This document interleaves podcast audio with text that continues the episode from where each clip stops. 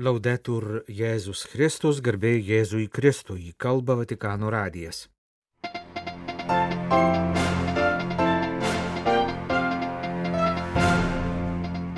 Popiežiaus audiencijos šeštadienį Kalėdų muzikos konkurso dalyviams ir organizatoriams, Italijos karabinieriams ir piligrimams iš Pietų Korejos. Sekmadienį spalio pirmąją visame katalikų pasaulyje per mišes bus melžiamasi už sinodą, kurio darbai Vatikane prasidės spalio ketvirtąją. Mūsų laidos antroje dalyje 24 eilinio sekmadienio Evangelijos komentaras. Turime gyventi Kalėdų džiaugsmu ne tik gruodžio 25-ąją, bet kiekvieną dieną, pasakė popiežius Pranciškus šeštadienio rugsėjo 16 rytą prieimęs jauniesiems muzikos kuriejams ir atlikėjams skirto kasmetinio Kalėdų konkurso dalyvius ir organizatorius. Kasmetinėme konkurse dalyvauja muzikos ir tekstų kuriejai, o taip pat kalėdinės muzikos atlikėjai. Konkursą organizuoja Šventojo Sosto kultūros ir ugdymo dikasterija bei fondas Gravissimum Educationis, bendradarbiaujant komunikacijos dikasterijai bei San Marino Respublikos vyriausybei. La composizione è un'arte impegnativa che richiede da una parte conoscenza Muzikos kūrimas yra sudėtingas menas, reikalaujantis viena vertus išmanyti muziką, jos taisyklės ir kalbą, e dall'altra parte capacità di dare voce alle domande, alle ispirazioni e ai desideri del cuore. ir kita vertus gebėti išreikšti širdyje gimstančius klausimus, įkvėpimus ir troškimus, sakė Pranciškus šeštadienio audiencijos dalyviams. Pasak jo, muzikos kūrimas yra gyvenimo metafora. Gyvenimas juk irgi reikalauja darnos su kitais ir su visuomenė, reikalauja laikytis visiems galiojančių taisyklių, o kartu suteikti erdvės kiekvieno žmogaus gyvenimo ir saviraiškos originalumui. Kasmet rengiamam konkursui pristatomi kūriniai vėliau atliekami per Kalėdų koncertą. Gali atrodyti, kad dabar rugsėjo viduryje kalbėti apie Kalėdas dar per anksti.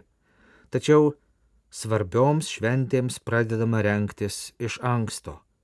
Jėzaus gimimas tikrai to nusipelno, sakė Pranciškus ir pridūrė. Muzika kalba ne tik apie mus pačius, bet ir apie Dievo paieškas, o kartais ir apie patį Dievą. Per Kalėdas Dievas amžinasis žodis ateina mūsų išklausyti ir kuria darną su žmonija. Būdamas nuostabiai kūrybingas, jis žvelgia į mus vaiko akimis, stebindamas mus savo nekaltų švelnumu. E questo non accade solo il 25 dicembre, ma ogni giorno. Ir tai įvyksta ne tik gruodžio 25-ąją, bet kiekvieną dieną.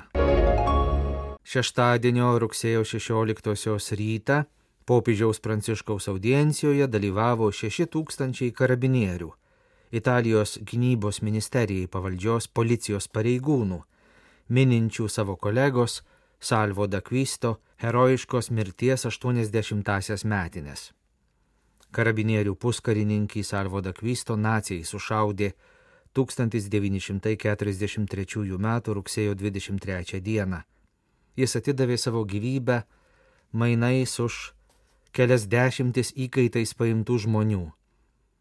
Italijos kariuomenės ordinariatas jau prieš kurį laiką pradėjo herojiško puskarininkio beatifikacijos bylą. Anche oggi la storia e il sacrificio del vice brigadiere d'Acquisto rappresentano Salvo Dakvisto pasiaukojimas labai aktualus ir mūsų dienomis, sakė Pranciškus. Gyvename pasaulyje, kuriame daug individualizmo ir nepakantumo kitiems, taip pat smurto ir neapykantos. Kankinio kario liudijimas skelbia meilės gale įkrautą žinę. Jums, kasdien tarnaujantiems teisingumui ir teisėtumui, norėčiau pasakyti, kad visko, ką jūs kasdien darote, tikroji priežastis ir galutinis tikslas yra artimo meilė, sakė Pranciškus. Iš tiesų, teisingumas reiškia ne tik pareigą nubausti tuos, kurie nusikalto, bet reikalauja stengtis, kad nusikaltusysis grįžtų į teisingumo kelią, gerbtų kitus ir bendrai gėrį. Žinoma, visa tai reikalauja pasiaukojimo ir atsidavimo, drausmės ir valios, atsakomybės jausmo ir pasišventimo. Popiežius ragino žvelgti į Salvo Dakvysto ir toliau rodyti artumą žmonėms, kurie labai vertina šį karabinieriams būdingą bruožą. Bažnyčia Pietų Korejoje savo pirmojo kunigo paskelbto šventuoju Andrėjaus Kim Taegono 200 metų gimimo jubiliejų baigė piligrimystę Romoje, kurios metu rugsėjo 16 dieną įvyko susitikimas su popiežiumi ir buvo palaiminta į vieną iš Šventojo Petro bazilikos išorinių nišų prieš keletą dienų įstatytą Šventojo statulą. Šeštadienio rytą prieimęs korejiečius piligrimus popiežius Pranciškus visų pirma prisiminė savo vizitą Korejoje 2014 m. vasarą. Ta proga jis aplankė ir šventovę įrengtą Šventojo Andrėjaus Kimo namų vietoje. Quando penso all'intensa vita di questo grande santo, mi torna nel cuore la frase di Gesù. Kai galvoju apie intensyvų šio didžiojo šventojo gyvenimą, man į širdį ateina Jėzaus žodžiai. Jei kviečių grūdas nekris į žemę ir neapmirs, jis pasiliks vienas, o jei apmirs, jis duos gausių vaisių, kalbėjo Pranciškus. Tai žodžiai padedantys mums iš dvasinės perspektyvos žiūrėti, į gražią korejiečių katalikų tikėjimo istoriją, kurios brangi sėkla yra šventasis Andriejus Kimas. Popiežius paminėjo ir tai, kad 2027 metais Seule vyks pasaulio jaunimo dienos. Labai dažnai jaunus žmonės suvilioja apgaulingi vartotojiškumo mitai ir hedonizmo iliuzija. Tačiau iš tikrųjų jaunų žmonių širdis siekia ko kito, ji sukurta daug platesniems horizontams, sakė Pranciškus. Rūpinkitės jaunais žmonėmis, ieškokite jų, būkite su jais, išklausykite juos, skelbkite jiems Evangelijos grožį, kad jie laisvi širdyje džiugiai liudytų tiesą ir brolybę. Perché interiormente liberi diventino testimoni gioiosi di verità e di fraternità. Kaip praneša Pietų Korejos katalikų viskupijos, jos visos kartu nusprendė prisidėti prie šventojo skulptūros. Darbą atliko patyręs skulptorius korejietis Han Jin Subas.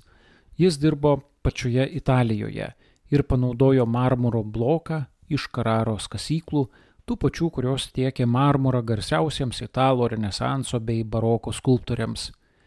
Bet visų pirma, jis pagamino keturis mažus modelius, kurie buvo parodyti Šventojo sosto architektams ir pareigūnams, o tada išrinkus vieną ėmėsi pagrindinių skulptūros darbų, kurių vaisios 377 cm aukščio, 6 tonų svorio skulptūra vaizduojanti šventąjį kuriečių kunigą su tradiciniais rūbais, skrybelė, svetingai išskistomis rankomis.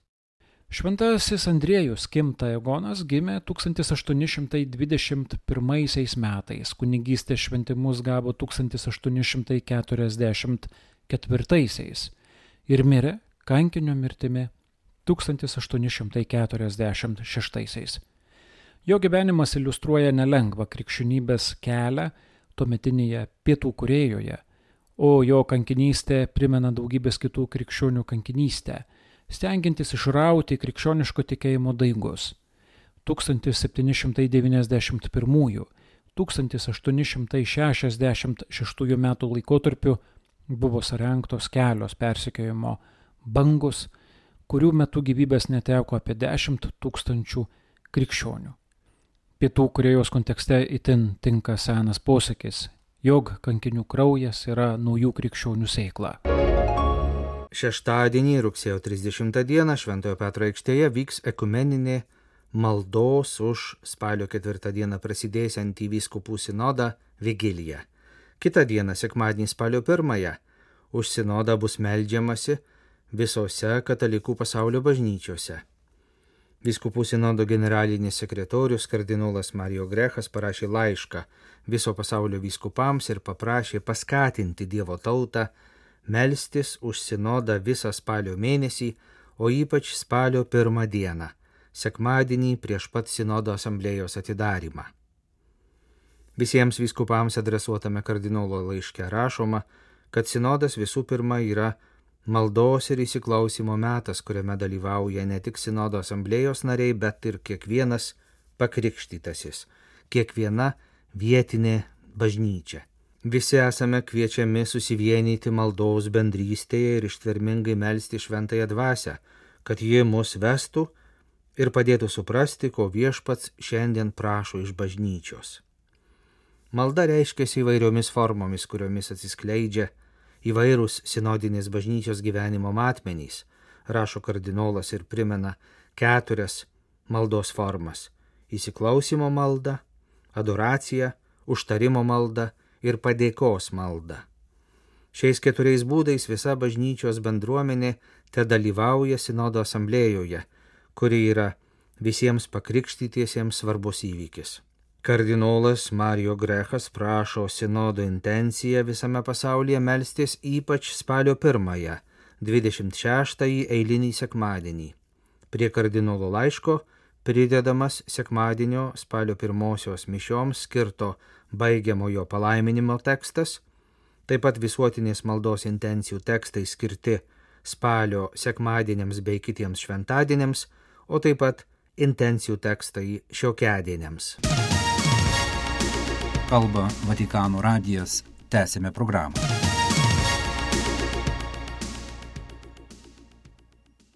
Skaitome Monsignoro Adolfo Grušo mums parengtą 24 eilinio sekmadienio Evangelijos komentarą. Gyventi atleidimu. Po kalbų apie brolišką įspėjimą, Petras uždavė Jėzui klausimą viešpatie, kiek kartų turiu atleisti savo broliui, kai jis man nusikalsta, ar iki septynių kartų. Jis, konkretus žmogus, buvęs žvejys iš Kafarnaumo, nori sužinoti, kokios yra tikslios taisyklės, kurių reikia laikytis, kalbant apie atleidimą.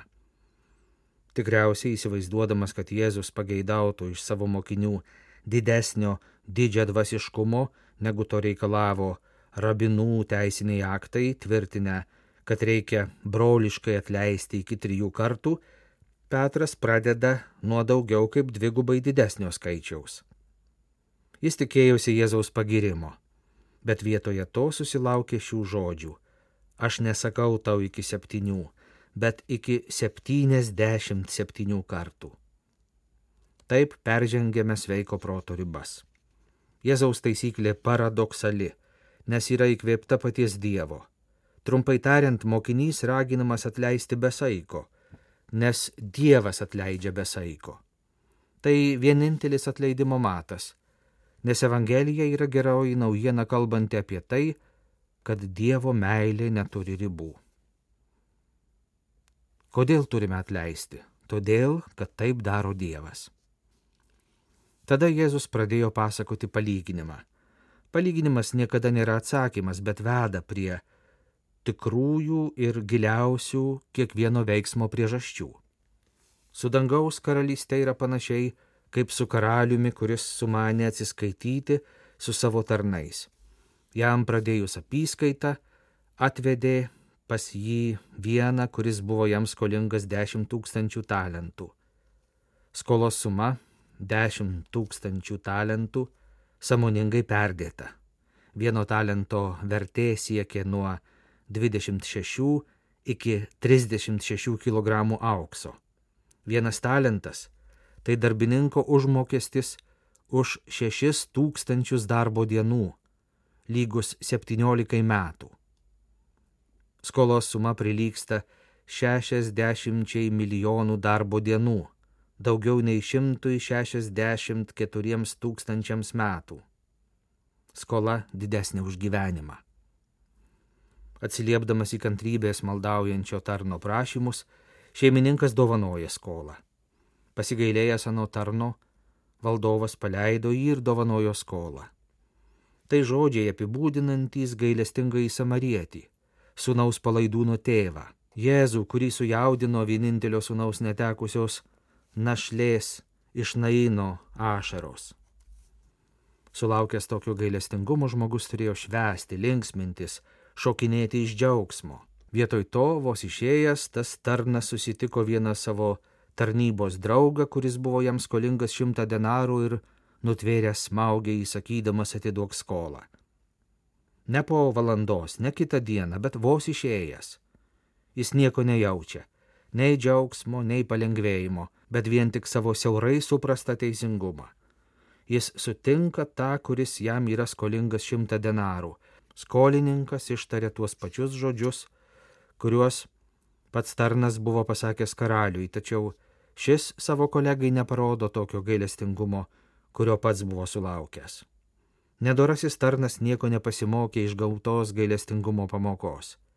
Jis pasmerkiamas, nes jo gyvenimo nepakeitė laisvai gauta meilė. Atleidimas kyla iš prisiminimo, kad mums jau anksčiau buvo atleista ir neprisimindami šios patirtos malonės, niekada nesugebėsime to padaryti kitiems. Todėl kyla teisėtas klausimas, ar atsimename, kiek mums buvo dovanota. Atleidžiame tik tada, jei prašome viešpati malonės pamatyti, kiek mums patiems reikia atleidimo. Šio Jėzaus palyginimo mintis aiški. Kol žmogus masto pagal žmogišką teisingumą, Dievas visuomet duoda daugiau. Jis atleidžia ne užmirždamas praeitį, bet perkeldamas į ateitį. Gailestingumas yra krikščioniškojo tikėjimo pagrindas. Mes vis dar pernelyg dažnai vadovaujamės logika - nuodėmė, bausmė, atgaila, atleidimas. Tuo tarpu Jėzaus logika kita. Evangelijoje atleidimas visada eina pirmiau už atsivertimą. Žmogus atsiverčia ir atgailauja, nes jam buvo atleista. Ne vienam Evangelijoje minimam žmogui nebuvo atleista po to, kai jis atsivertė, bet kiekvienas atsivertė po to, kai patyrė atleidimą. Tik Dievo meilė padaro atsivertimą įmanomu, nes ji nėra nusipelnoma. Tai meilė, kurią galima tik priimti. Ne žmogaus atsivertimas yra palydimas Dievo gailestingumo, bet priešingai. Dievo gailestingumas yra žmogaus atsivertimo priežastis. Ši tiesa ir šiandien ne viena piktina. Būti gailestingam, nustoti teisti, mylėti savo priešus. Štai kas yra krikščionybė. Visa kita tai yra draugiškas pokalbis. Dievo atleidimas yra nemokamas, jo negalima nei nusipelnyti, nei išreikalauti. Jis yra dovana. Jėzus niekada nekviečia žmonių nei prašyti Dievo atleidimo, nei daryti atgailos. Dievo atleidimas visada tikras ir užtikrintas. Viešpats to neprašo iš svetimautojos, neprašo iš nusidėjėlio, neprašo iš muitininko Zachėjaus.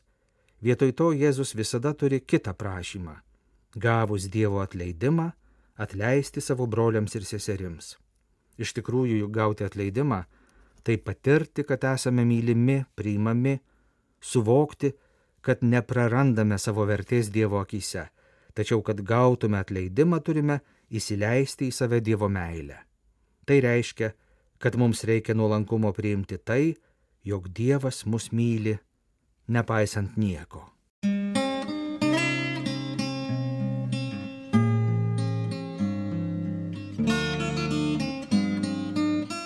Kalba Vatikano radijas. Laidą lietuvių kalba baigėme. Garbėjai Jėzui Kristui, laudetur Jėzus Kristus.